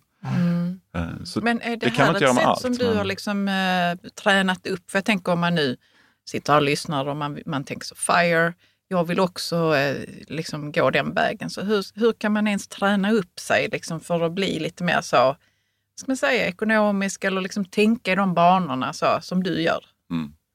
Jo, det, jag tror definitivt man kan träna upp det. För bara det att träffa främmande människor för att köpa eller sälja någonting kan vara tufft, jobbigt. Eh, Ja. Och Blocket har varit min bästa vän sedan det började. Och innan det så fanns det spray tror jag. Och så Ja, fanns det tidningen Sydsvenskan hade ju annonser och så. Eh, Och man kunde gå på ICA och alla möjliga ställen i Lund och, och se, dra en lapp och så var det någon dator någon sålde. Och då kunde jag liksom köpa en trasig dator och laga den och sälja den. Men jag fick ju lära mig massor på vägen. Och ibland kanske det var så plus minus noll, men jag försökte att aldrig göra minusaffär på någonting, men jag lär mig varje gång jag köper någonting. Så köp någonting som du är intresserad av, någonting som du kan tänka dig behålla och som du också vet att du, du vet var du ska vända dig för att sälja den. Eh, Youtube är fantastiskt nu för att laga grejer om det, om det är så man gör. Men ja, jag tror definitivt det är någonting jag har tränats i för att skapa en Blocket-annons. Det finns många som kan behöva hjälp med det. Det finns recept mer eller mindre för hur man gör en bra Blocket-annons så att du liksom vinner över alla andra. Och letar man på Blocket, här är ett tips. Mm. När du letar efter någonting och det finns mycket av den varan, vänd på sök istället. Ta det äldsta först. Okej. Det gör jag. Ibland kan man sortera billigast. Ja. Nej, välj äldst först om det är en bil du tittar på. Vilken annons varit ute längst? Ja. Och sen kolla också, hur ser den annonsen ut? Är den tilltalande? Nej, här är någon som inte lyckas sälja. Här är läge och ge ett bud. Mm. Här kan du få den till ett mycket bättre pris. Ja. För nu har de haft den ute i 60 dagar. Ibland kan de ju förnya annonsen och det är svårt att hålla koll på det. Men har man haft koll på en viss bil eh, så vet man att den här annonsen har ju förekommit mycket längre än vad det står. Det var inte i söndags den kom ut. De försöker igen med samma annons, samma dåliga bilder. Här är det läge att ge ett bud. Mm. Take it or leave it. Men jag kan köpa den för det här priset och då vet jag att den här bilen, i det här fallet var det en cabriolet jag ville ha. Mm. Då köpte jag den. Jag visste att jag kan köpa den i september då det är svårt att sälja en cabriolet. Och så säljer jag den de första varma härliga dagarna. Då vill alla ha en cabriolet. Inte alla, men många letar då. Bra, då har jag en cabriolet hela vintern. Hardtop, perfekt, vi har en extra bil. Men jag säljer den för mer. Då har jag ägt en bil utan att det kostar mig någonting. Mm. Istället för att ha den på börsen, jag sparar också i aktier och fonder, men Istället för att ha dem där där man tycker att det händer ingenting, så kan jag använda det Ja. och sen sälja det. Bilen var mycket så här, den var nyservad. Perfekt, då behöver inte jag göra någonting. Den är nybesiktigad, behöver jag inte göra det heller. Däcken är bra. Kolla alla de här sakerna som man slipper byta. Mm. Då har man bilen gratis. Det har funkat för mig med många grejer att jag kunnat tänka så. Men det är definitivt någonting man får träna upp. Om det nu är Blocket, loppis. Eh, Ja. Men jag, har, jag kollar, lagt mycket energi på att se vad finns det på Facebook Market. Det där är en sån svart hål. Man hittar aldrig saker två gånger nästan. Eh, Facebook Market, loppisar, Blocket, annonser i tidningar, för, vad det för. Då upptäcker jag liksom att okej, Facebook Market är loppis i mångt och mycket, medan Blocket är de som faktiskt försöker få lite mer. Då kan man ju köpa på Facebook och sälja på Blocket. Arbitrage. Ja, för de kanske inte letar på båda ställen. Nej, och nej. Blocket har ju slutat ta betalt för många annonser nu, vilket är bra, men det har de nu förlorat på när de gjorde det i många år för att folk bytte till Facebook Market, för där var det gratis att lägga ut annonser. Så ja, det har väl varit så att man, man letar, var, hittar på Ebay, folk köper inte på Ebay i Sverige, hittar jag klockor från direkta källan med Citizen-klockor när jag var student. Jättefina dykarklockor, de var populära. Så då var det inte så svårt att sälja en. Två. Ah, det var inga problem, jag har det här. Annonsen ute, så säljer jag en klocka i månaden. Det är extra pengar som student. 500 kronor extra i månaden på en klocka som jag köper på Ebay. Det här ska man då kolla med myndigheten med om det här är okej. För så är det ju inte, utan det är ju ett företagande. Men det visste ju inte jag som student. Det här var ju bara ett bra sätt att tjäna extra pengar. Sen har jag på vägen lärt mig att aha, om jag använder den och säljer den och det går under ett visst belopp så är det okej, men annars måste man skatta för vinsten. Samma med bilar och så här. Liksom. Kolla regelverket, för sätter man sånt här i system och blir bra på det, det, då är det, är en driven företag. Då Det är är ett det, då, företag. då är det ett företag. Alltså d- att du är väldigt om dig och kring dig. Hur är det så här med dina syskon eller eh, dina barn? Alltså så här, hur, hur reagerar omgivningen? Alltså jag, jag har nog tur att jag, mina syskon har väl egentligen ingen direkt anställning utan de är egenföretagare. Vi är fem stycken. Ja. Och det är kanske ingen slump att det blev så. Så att jag har ett jättestort stöd av mamma och mina syskon i det här. Varför är det ingen slump? Om du bara ska säga något kort om det. Ja, men pappa hade ju egen läkarpraktik. Mamma startade eget företag. Hon hade också, ehm, hon virkade kläder en gång i tiden med sin syster. Eh, och då hade de, det gjorde hon som 18-åring eller 19-åring, åkte till USA och gjorde det. Bara så här, det här måste ju gå. Och då gjorde de det. Så att det ligger nu någonting i det, var de kommer ifrån och vad de har tagit med sig. Att vara din egen och eh, Ja, så att jag har ju haft anställning väldigt länge fram till faktiskt varit konsult lite grann. Jag har varit lärare nio år, jobbat inom skola i 20 år. Men parallellt har jag haft olika saker som jag tänkte att jag kan snart lämna det, den banan jag är på för att göra någonting annat. Att liksom ha en, en annan plan. För många kanske det är, jag ska vara här eller jag är. Man identifierar sig kanske med sitt yrke och det gjorde jag också i början. Jag är lärare. Mm. Fast det finns ju mycket mer. Mm. Och det, jag kan vara mer än bara lärare, kanske hitta andra sätt. Ehm, Men jag tror, jag tror, men det en, en nu, jag, jag, jag- kan verkligen säga så här, folk kommer, jag tror folk kommer gilla det här. Och sen så kommer den här klassiska invändningen. Det är att, för det jag hör, jag känner igen mig mycket i det som så här, du vet, man gör en grej, så, ja men lärare, jag var konsult länge. Och sen gör man sin andra grej vid sidan av på så här kvällar och helger och som du säger, när man, när man säljer och köper på Blocket och man går på loppisar och- eller man renoverar. Liksom så här, nej men du renoverade på liksom kvällar och helger, lite så här din Batman-karriär. Min Batman-karriär brukar ju vara så här programmerare. Men då, då vet jag att en så här klassisk diskussion, som vi har haft i forumet också, är så här, men man gör det därför man tycker det är roligt. Mm. Men om man plötsligt ska tjäna pengar på det så här, är inte risken att det inte längre är roligt? Nej, men jag vet att det är många som har som farhåga, men medan jag tänker så här, ja, men om jag inte tycker att det är roligt i framtiden, då gör jag väl bara något annat som är roligt. Mm. Alltså, så hur, hur, tänk, hur tänker du? Liksom, har du aldrig tänkt så här, shit, nu blev det ett jobb eller nu blev det tråkigt? Alltså, för, för, förstår Jo. du vad jag fiskar efter? Du, du, du fiskar precis i, i närtid. För att eh, det med renoveringen jag gjorde nu nyligen, jag fick verkligen, verkligen tänka efter. Eh, var det det här jag verkligen ville göra? Det här känns liksom övermäktigt. Det här var jobbigt. Eh, och det, det tror jag det kan vara om man nu startar eget till exempel. Den resan gör nog många när de startar eget, att det kan bli sjukt tufft. Och statistiken är ju rätt så mycket emot den om man tittar på hur många företag som lyckas Mm. och hur många miss, misslyckanden man måste gå igenom innan man lyckas. Vissa har tur och de flesta har ju inte det.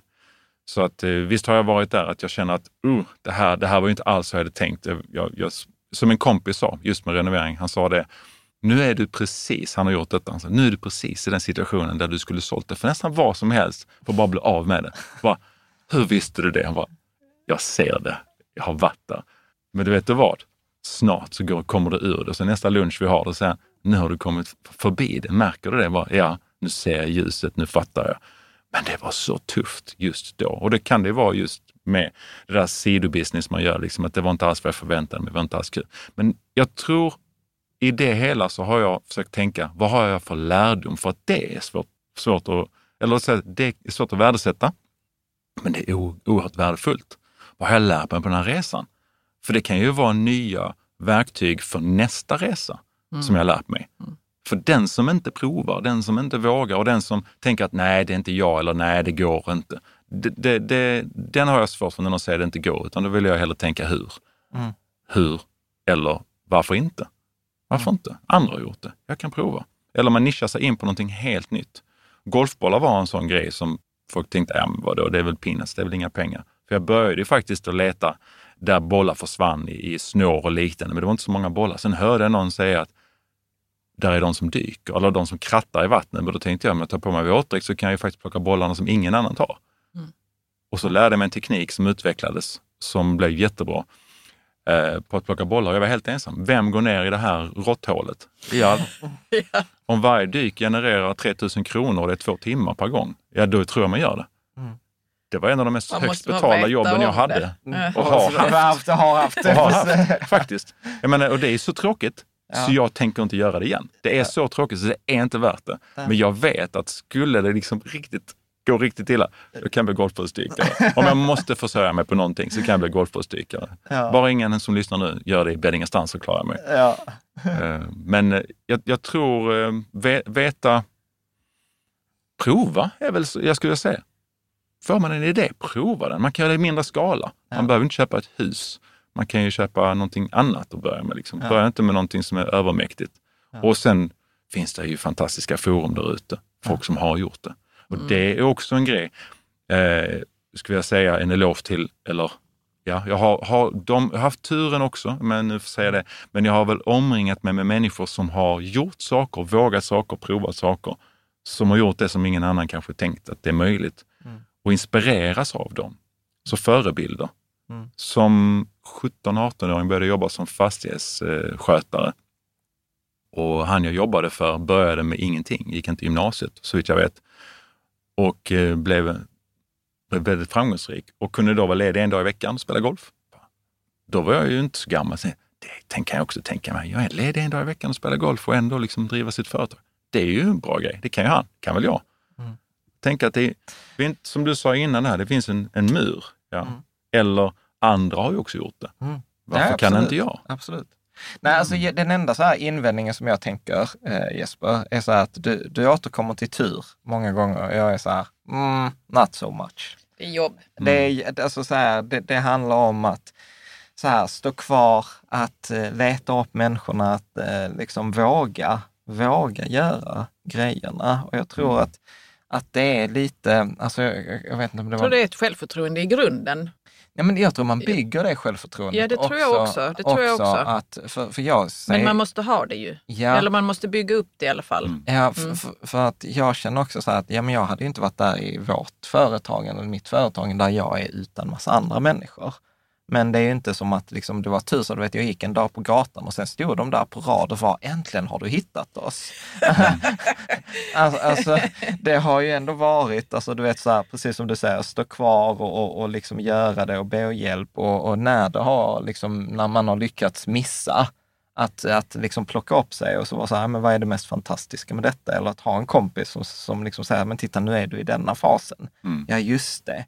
Alltså så att det är inte så mycket tur, utan eh, ja, men det är ofta som, som allt annat, så här, hårt jobb, våga utvecklas. Inom alla områden tror jag det är Ja. så. Du Ja. vet ju, jag skriver. Det har Ja. varit en jävla resa. Det är så mycket barriärer. Man tror inte man kan och sen måste man ändå göra. Och man får någon bok om någon kompis om hur man skriver. Ja, för då- för På det- alla områden tror jag det är så. Man måste bara stå kvar. Ja. Man måste bara göra jobbet. Ja, för det är man också, vilken tur att du fick den boken, eller vilken Mm. tur att du träffade den personen. Men det är ju Nej. inte så, för man pratar ju om det som man håller på med eller som man har problem med eller whatever och sen så har, råkar någon Ja. ha den boken eller råkar Eller den kompisen tips. också skriva eller ha något tips. Ja. Ja. Ja.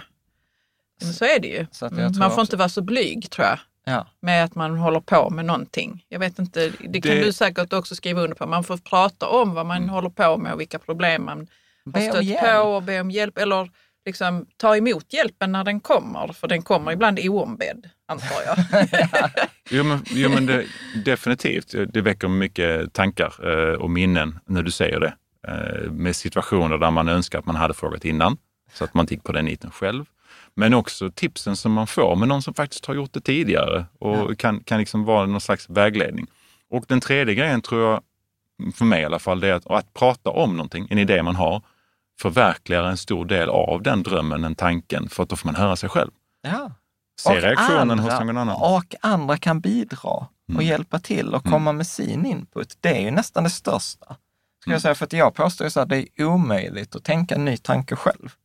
Alltså det, det kan den som lyssnar eller tittar så här, så här, du vet, pausa videon eller poddavsnittet och sen gå och berätta för någon annan en tanke som du aldrig har tänkt förut. Mm. Det, det, det går ju inte. Nej, men just det också att få hjälp, det accelererar ju ens utveckling. Ja, Alltså, absolut. det, jag tror inte man tänker på det, men det gör det ju. Ja. Eller hur? Men du, jag tänker att vi ska liksom så här börja runda av. Men jag tänker så här till, till någon som lyssnar eller till dina barn eller så här, liksom så här vad hade du väl, liksom velat att, liksom så här, men detta är min eh, liksom visdom eller detta är mina liksom så här guldkorn. Vad, vad, vad, skulle du, vad skulle du vilja ge bort till andra? Mm. Jag tror, det, det är nog det vi precis snuddade vid nu, att man måste tro på sig själv. Mm. Att våga. Får man en idé, så våga. För att vi lär oss ju. Hade vi inte gjort någonting, inga misstag i livet, så kommer vi ingenstans. Mm. Vi måste ju prova. Och jag är nog till den naturen att jag är nyfiken. Mm. Så prova. Se vad som händer. Om inte annat blir det en bra berättelse långt senare. exakt, exakt, Ja. exakt. Men eh, ge det en chans åtminstone. Och kanske inte halvhjärtad heller, utan satsa på det, prova, se om det går. Ja. Ehm, ja, det är i alla fall det jag vill att mina barn ska ta med sig. Att tro på dig själv och våga. För sen hur det går, det är, liksom, det är resan. Ja. Oh, vad det här lät bra. Ja. Ja. It's Men- the journey, not the destination. Ja, nej men jag håller med dig. Vi har, vi, har, vi har en diskussion i forumet nu också som var så här, nej men Sverige är ju liksom ett av de mest trygga länderna och du vet så här, alltså så här ärligt talat, det är, så här, det är svårt att det ska skita sig ordentligt. Ja, det är klart att det alltid finns människor som trillar genom nätet et- etc. Men, men som liksom helhet, det är alltså så här, ma, ma, liksom, sannolikheten är väldigt, väldigt, väldigt hög att du alltid kommer ha tak över huvudet och mat på bordet. Du behöver liksom inte oroa dig för de lägsta stegen i Maslows trappa. Och, och med tanke på det så är det ganska fascinerande att vi är så oroliga och så rädda. När det, är liksom, det är här vi borde gå bananas och testa starta företag och, och liksom göra alla de här grejerna. Men det blir på något sätt nästan tvärtom. Mm. Att, eh, och som du också säger, så att nej, men det går ju inte, alltså du kan ju inte göra mål om du inte sparkar bollen på mål. Och sparkar du inte bollen på mål, nej, då är det 100 procent sannolikt att det inte kommer bli mål. Mm. Men sparkar du den, ja men då har du i alla fall den där lilla liksom, sannolikheten. Eh, är det något mer som du tänker? Ja, men jag tror för min egen del så har att det kommer inte till dig. Mm. Eh, och vad jag vill säga, min egen erfarenhet är liksom att pappa när han gick bort hade också spelmissbruk. Mm. Och att många spelar om den här vinsten och allting. Och den, den kicken kanske man vill känna så här, men för min egen del av att ha spelat om pengar när jag var ung och lärt mig att den genen har jag, jag ska aldrig göra det. Utan var uthållig. Det kommer att lösa sig. Alltså var uthållig och ha en plan så kommer det. Men att, men att tro att det liksom ska bara pang så ska det hända eller, eller drömmen Men hur ska du förverkliga den drömmen om du har den? Mm. Ja, men du kanske ska, kanske ska ha ett mål för hur du når dit. Det är inte Lotto eller tipset liksom varje helg, utan det kanske är någonting annat du ska lägga den energin och de pengarna på. Nu är det svårt just med, med spelberoende och så här och de kickarna man får av det, men det har jag hållit mig så långt borta jag kan från, för jag har den björnen vill jag aldrig väcka igen. Mm. För den hade jag i 20-årsåldern och spelade om pengar och kände kickarna och tjänade pengar och sen förlorade allt. Bara, mm. Men du, du inte- säger något intressant med det här med mål. Mm. Målsättning och så. Har du liksom, hur har du jobbat med det? Har du skrivit ner på papper? eh, Så? Men, eh, du hade ju målet Mm. 55, då ska du bli ekonomiskt fri. Det kan man ju ändå kalla ett mål ju. Och så hur är stegen dit och sådär. Eller hur har du jobbat med mål? För att jag tycker det är väldigt kraftfullt. Mm. Och ehm, jobbar med det själv nu för tiden.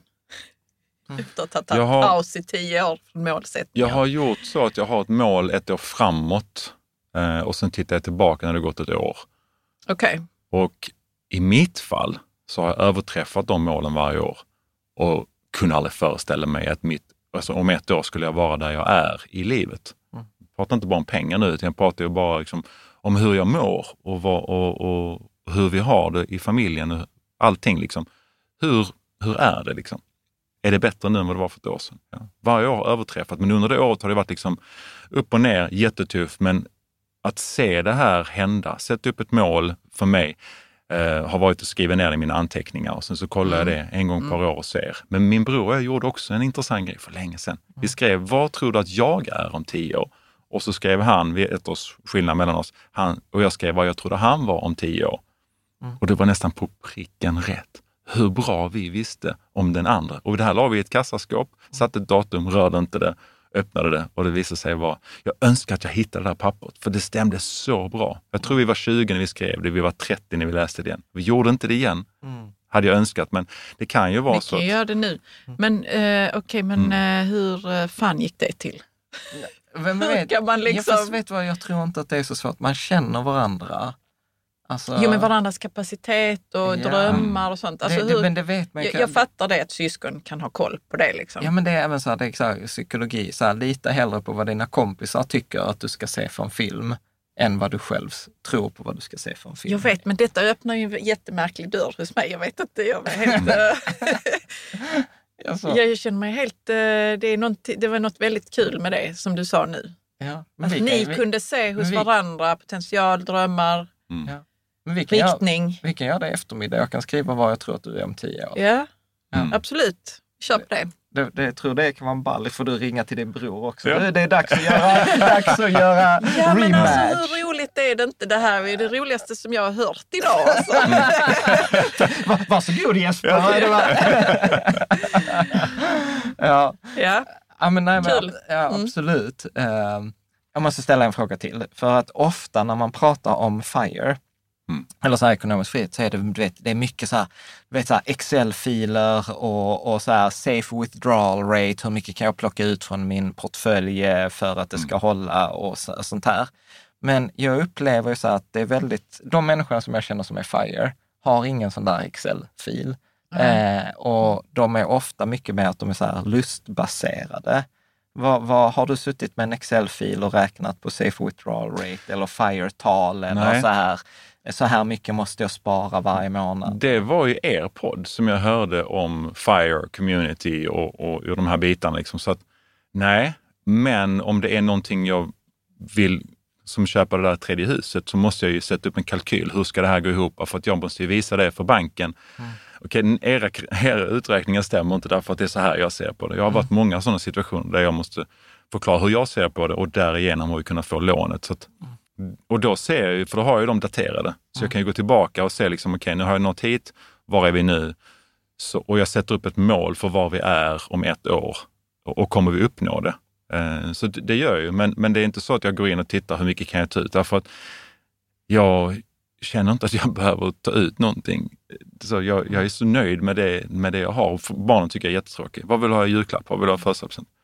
Choklad, Mm. kaffe och er. Liksom. Det, är- Mm. det är inte den ordningen. Men, Mm. men liksom bara, bara uppskattningen av, av att liksom få det jag vill ha mest, det är liksom god choklad. Det är det jag uppskattar Mm. mest. Så att det har liksom nu är det ju en situation där jag kan välja att sluta jobba, göra i princip vad jag vill. Eh, behöver ju underhålla husen för det är ju inte riktigt FIRE om man ska vara helt ärlig, för att det är faktiskt jobb att ha hus. Men eh, vad skulle jag gjort då? För jag vill ju göra någonting. Mm. Så, så det, jag tror kalkyler finns där och jag har blivit en fena på det, men jag har ju inte haft någon mall att gå efter, utan det är bara att se, kan jag uppnå det här? Tweaka lite med siffrorna, vad kan jag sälja? Vad kan jag, hur kan jag lösa det? Och sen så bara, nu kör vi. Nej, men jag tycker det, och, och min poäng är också vad jag vill ge till den som lyssnar eller tittar, att här, det behöver inte handla om att så här, man sparar x procent i x år och så har man det i en indexfond Nej. eller så här, utan min upplevelse är att de flesta som gör med VFire gör det på sitt eget sätt. Eh, för att Och då ha, kan jag så, ta ett exempel. Ja, För varje, det här kan låta sjukt snålt. ja, Och det, det kanske vissa i, i min omgivning som tycker det om mig också i, i, ibland. Men om jag tittar på en hundralapp så tänker jag, den här hundralappen kan jag spendera på det här. Eller så kan den jobba för mig. Ja. Då kan den ge mig pengar tillbaka varje år. Det här är min lilla slav Mm. som kommer att jobba för mig. Min anställda. Jag sätter in den och så rör jag inte den. Och så för varje sån här utgift som jag, som jag liksom hade inte behövt. Eh, lunchlådan istället för, jag lekte faktiskt med det här med att jag körde och spelade padel med mopeden istället för med bilen. Räknade ut att det var ungefär 100 kronor i total, total cost of ownership för den resan till padden. Mopeden kostar 3 kronor per gång. Ja men det är ju 97 kronor jag kan sätta. Varje gång jag spelar padel så sparar jag 97 kronor. Så börjar jag spara dem in på Lysa. Det var jättekul. Ett eget Lysa-del, liksom mopeden, och se det växa. Det var jättekul ja. Och andra tyckte jag var märkligt. Kommer där med mopeden liksom med hjälmen och allting och ska spela padel. Liksom vuxen man som har en bil, varför tog han mopeden? För det är en sport. Ja. Det här var jätteroligt. För jag såg att jag kommer fram fem minuter, tar fem minuter längre tid att köra. Vad betyder det? Ingenting. Nej. Och kan jag lyssna på någonting med mina hörlurar under tiden så kan jag lära mig någonting på vägen. Ja, men vad bra. Och sen så kan jag sätta undan det. Så jag har lekt den här leken liksom med pengar, försöker berätta för mina barn att de här pengarna ni spenderar på någonting, var det värt det? Var det det? Jättebra. Var det inte det? Fundera nästa gång, om du bara sparar det. Så barnen sparar. Tuva är 13 och sparar till sin häst, hon är halvvägs där. Mm. Hon har eget företag och så. Gud vad häftigt att hon kan se det. Att sparar jag, inte har jag, utan sparar jag så jobbar de för mig. Mm. Och bara glöm det sen. De kommer finnas där. Men jag har inte riktigt den strategin så att det här kan jag sen liksom avsätta, sätta ut, utan jag bara minskar min utgift och sen tycker jag det är så skönt att inte behöva tänka på det. Ja, jag ja. kan bara vara. Absolut. Nej, men jag brukar, Mm. min, jag hävdar ju alltid att, eh, att resan mot ekonomisk frihet är mer en personutvecklingsresa Mm. än vad det är en, eh, en ekonomisk resa. Faktiskt. Mm. Att det är viktiga, så här, jag skulle säga det är nästan viktigare med eh, liksom beteendet än det med liksom så här, kunskapen om hur jag ska placera bäst på bästa sätt eller liknande. Jag tänker att, eh, att, vi, att vi, vi behöver runda av. Vi har ju pratat nästan en och en halv timme, så här, tiden går fort när man har Mm. roligt. Eh, vi brukar ha så här, eh, två frågor vi brukar alltid ställa. Det är så här, eh, är det en bok du vill tipsa om och eh, sämsta, sämsta ekonomiska rådet som du har fått eller hört någonsin? Ah, eh, ja, The Automatic Millionaire tyckte jag ju att den var bra. Ja. Man får nog tänka lite grann att det, den är länge sedan den skrev, men jag tyckte ändå att den var bra för den får ett annat perspektiv eh, om man inte har ett redan. Eh, och sen sämst ekonomiska. ah, ja, det är väl eh, bitcoin kanske, alltså krypto. Det kunde gått, men det gick inte. Nej. Så, nej. Eh, för bra för att vara sant. Det är väl det. Det ska jag vilja säga. När någonting är för bra för att vara sant, tänk två gånger Ja. innan du gör det. Det är väl i så fall det rådet jag kan ge. Ja. Vad roligt att krypto kommer upp. Jag är ju också rätt ofta, eh, rätt ofta där och tittar bara så att nej, det där. Jag är sjukt nöjd med vårt avsnitt från 2017 där vi var lite så här skeptiska. Eh, Du Jesper, fantastiskt stort tack för Tack. att eh, du kom och delade med dig av din resa och liksom inspirerande och eh, ja, men väldigt, väldigt generöst. Så tack så hemskt mycket. Tack själva för att jag fick vara med. Jätteroligt. Ja, detsamma. Så, det var intervjun med eh, Jesper. Lite sjukt att de flesta vi har intervjuat heter typ Jesper. och är ekonomiskt fria. För detta är alltså inte samma Jesper som vi hade för någon innan sommaren. Nej, som också är från communityn. Som också är community, också bor eh, utanför Malmö. Ja. Det är lite, lite crazy. Ja. Men vad, vad tog du med dig? Ehm, jag, jag tog med mig att uh, Jesper pratade ju en del om att han haft tur och att han har haft flyt och så. Eh, men att han eh, ju också har vågat liksom Ja. be om hjälp eller pratat om sina planer och därigenom fått kontakt med andra människor som kanske kan hjälpa honom och sådär. Ja. Alltså att det var roligt att du liksom du poängterar så, men det är nog inte bara flyt. Alltså. Nej, jag För tror... det är lätt att man kan se det själv när man är inne i det där, liksom att man har det här Ja, men eh, att man har det här beteendet som tar en liksom långsamt mot FIRE. Ja. Eh, och man gör ju inte det själv. Ja. Alltså det får man väl ändå poängtera. Ja, ja, ingen människa har blivit framgångsrik på egen hand. Nej. Det är stark övertygelse. Vi hade aldrig kunnat göra det utan att stå på axlarna på de som har kommit före oss. Mm. Nej, men Vad jag, tog du med dig då? nej, men jag gillade, nej, men jag, jag gillar ju de här att, att jag har en grundläggande tes om att i en ekonomi så alla kan göra det mekaniska sparandet som vi brukar prata om. Alltså så här, spara, ha lägre utgifter än du har inkomster, spara pengarna i en fondrobot eller en global indexfond, låt pengarna vara. Det är ett sätt hur de flesta kan bli rika. Däremot att göra FIRE eller göra en ekonomisk frihetsresa innan och kunna gå i pension innan man är 50 eller 55 handlar det ofta om det som kallas, jag brukar tänka så här, men talangplan, att det handlar om talang, inte att man har fått någon gåva, utan att göra det man tycker är roligt, eh, att, att inte ge upp.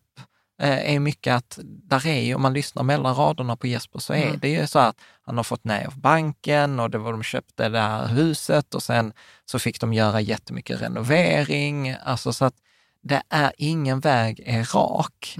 Eh, och, att, och sen att våga gå sin egen väg. Jag älskade hans tips, så här, prata med grannarna. Du vet, så här, jag känner ingen, då har jag ändå haft podd och, och forum i ja, men 20 år snart.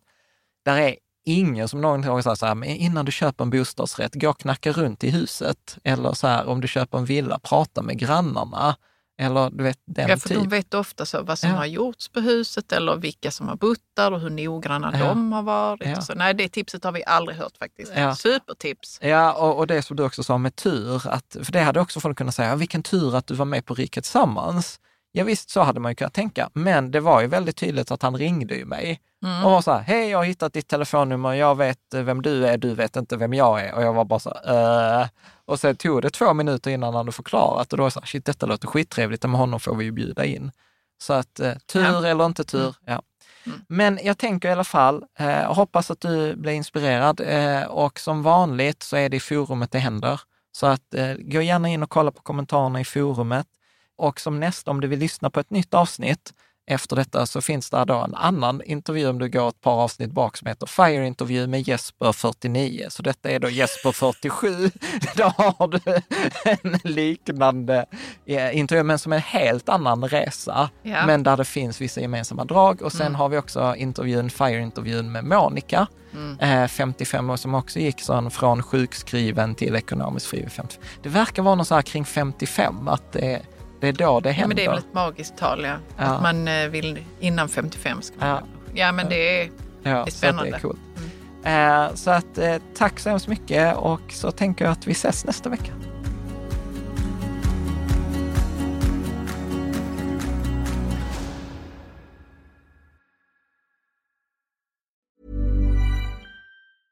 Hey, it's Paige DeSorbo from Giggly Squad. High quality fashion without the price tag. Say hello to Quince.